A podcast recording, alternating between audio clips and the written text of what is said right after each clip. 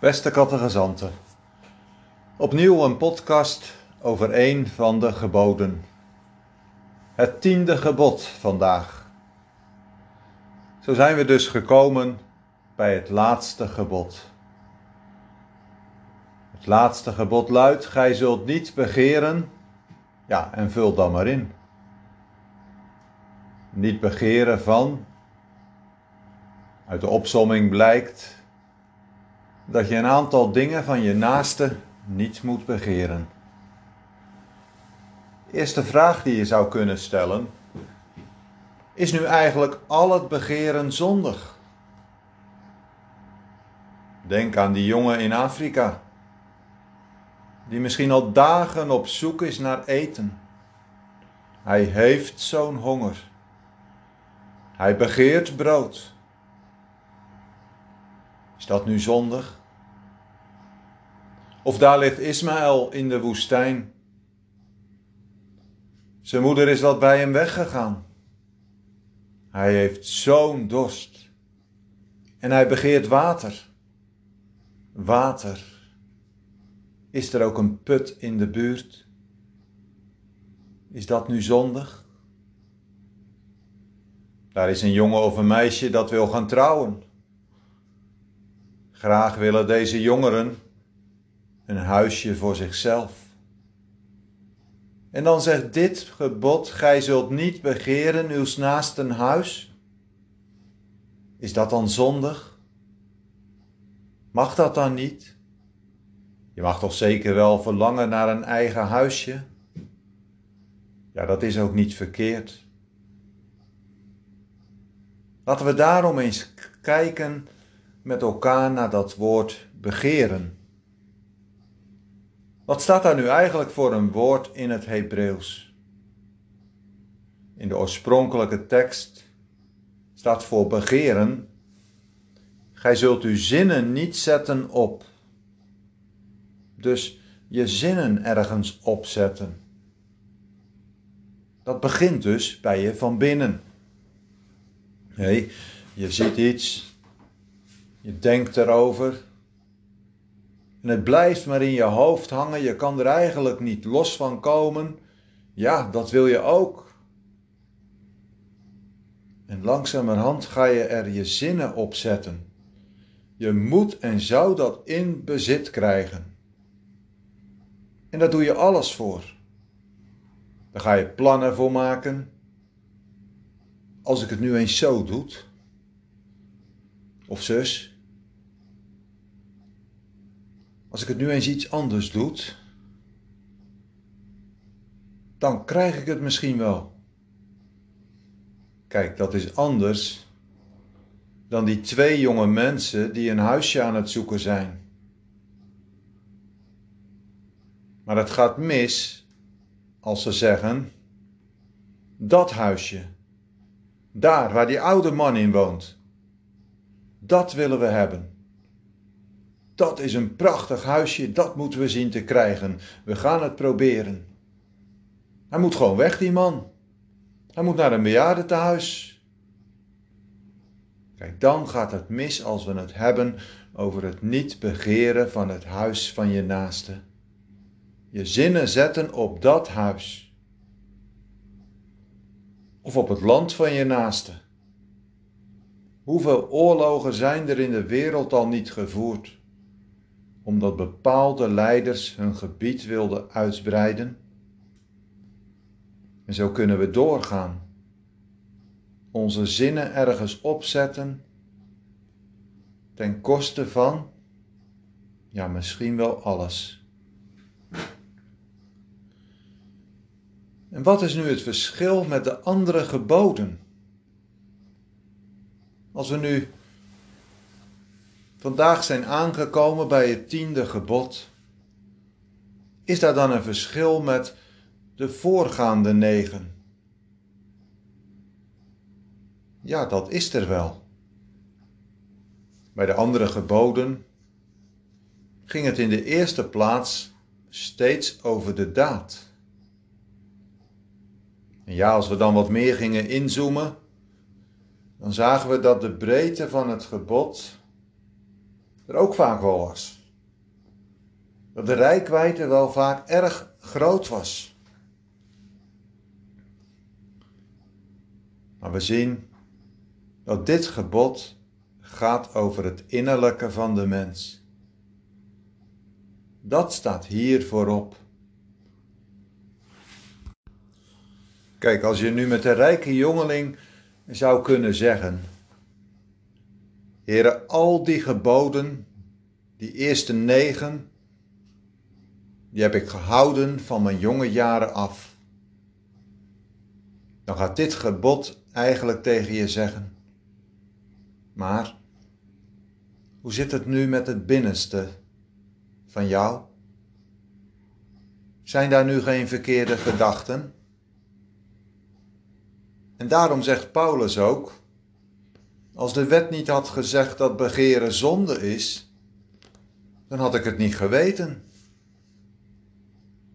Dus het is goed dat de Heere hier als het ware de vinger bijlegt. Hier kunnen we wat van leren. Het is goed om bepaalde dingen te doorzien. Want wat gebeurt? Steeds zien we bij ons mensen zo vaak hetzelfde gebeuren. Want hoe ontstaat nu bijvoorbeeld vaak de zonde? Meestal zien we dan drie dingen terugkomen. Zomaar drie woordjes die je moet proberen te onthouden. En dat is zien, begeren, doen. Drie werkwoorden. Zien, begeren, doen. Dat was nu eigenlijk ook precies zo bij de zonde in het paradijs. Jullie kennen allemaal die geschiedenis. Zien. Eva zag de vrucht. Kreeg er een begeerte naar en pakt. De winkeldief ziet een prachtige ketting. Die wilt hem hebben, hij begeert hem en hij pakt. Misschien zie jij wel een prachtige reclame van een parfum. Die wil je hebben, want hij ruikt zo lekker en je koopt hem. Maar ho ho, zegt iemand, is dat nu ook verkeerd? Dat mag toch zeker wel? Ja, dat klopt. Bij dat laatste was het geen verkeerde begeerte. En daarom zien we ook heel vaak dat reclame in onze tijd, of ook wel eerder, nu ook juist van deze drieslag gebruik maakt. Zien, begeren, doen. Reclame maken is eigenlijk niets anders dan begeerten opwekken. Daarin zien we al dat niet alle begeerten opwekken verkeerd is. Want reclame is op zich niet verkeerd. Het is van alle tijden.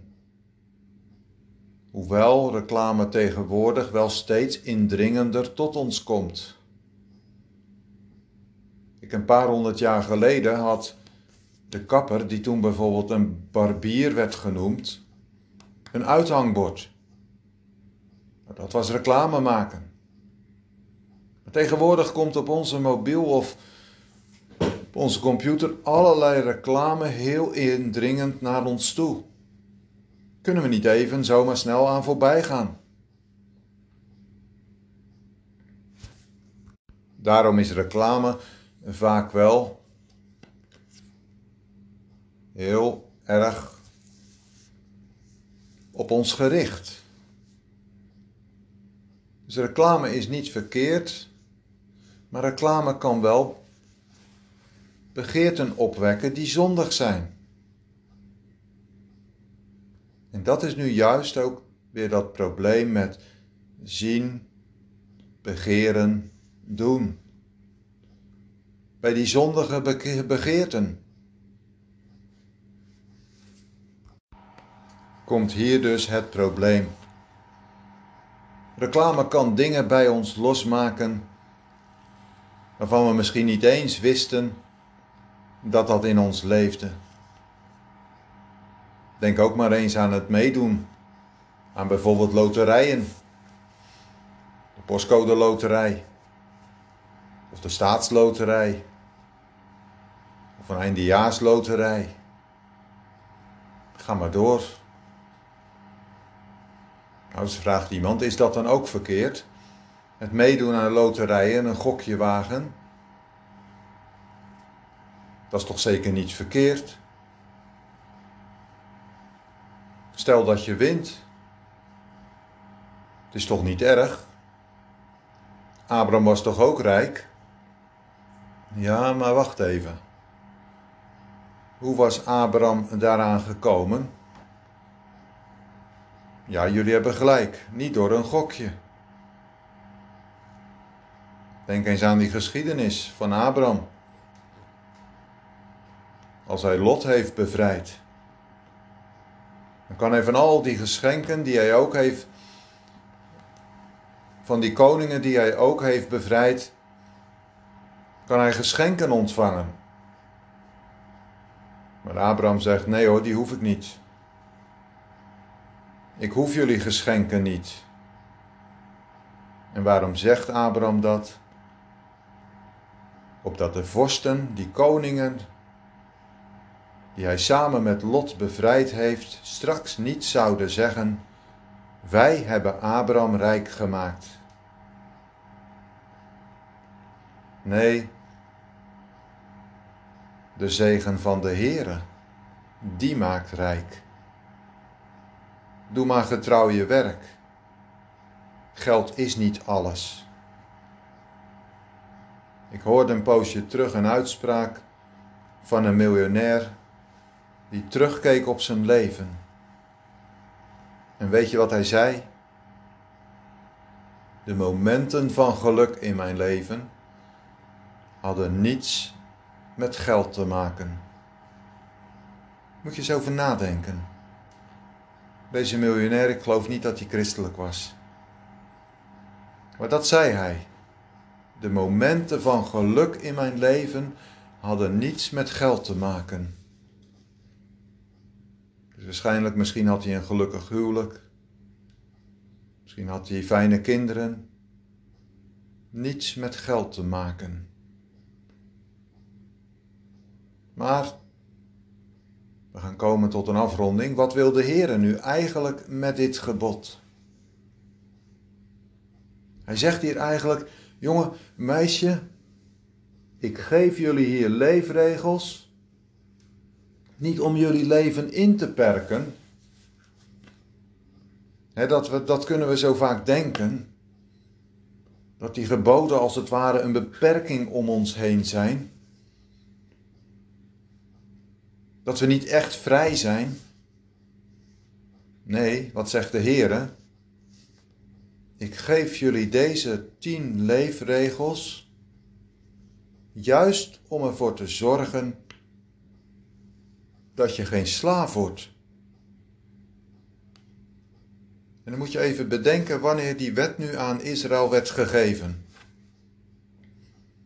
Dat weten jullie allemaal wel, dat was bij de Sinaï.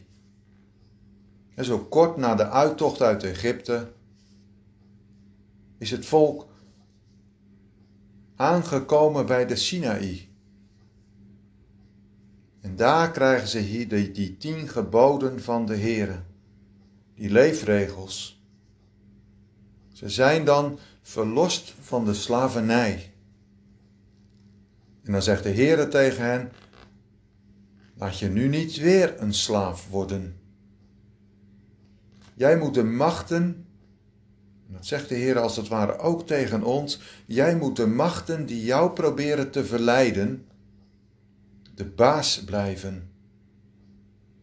Of als je dat niet meer bent, dan moet je ze weer opnieuw de baas worden. Ja, want ook de begeerte, dat is een macht. Ons lichaam is vatbaar voor verslavingen. En de begeerte, die brengt ons daar zo vaak. machten. De Bijbel noemt het geestelijke boosheden in de lucht. Maar dat zijn de verkeerde machten. Maar in de Bijbel wordt er ook gesproken van een andere macht. En zo komen we bij Hem, de Heer Jezus Christus, die bij zijn hemelvaart gezegd heeft, mij is gegeven alle macht in de hemel en op de aarde. En Hij is God, samen met de Vader en de Heilige Geest, die ons nu nog deze leefregels geeft. God die niet alleen zegt, dit zijn mijn geboden en zo moet je ze houden. Maar God zegt meer tot ons. Hij zegt nu tegen jou vandaag, als het je nu niet lukt.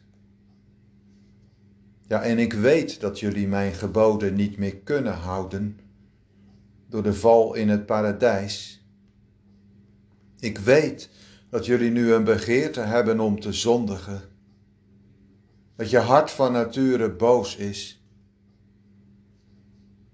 Maar breng dan je zondige leven, vol van die vuile begeerten, maar bij mij. Kom maar.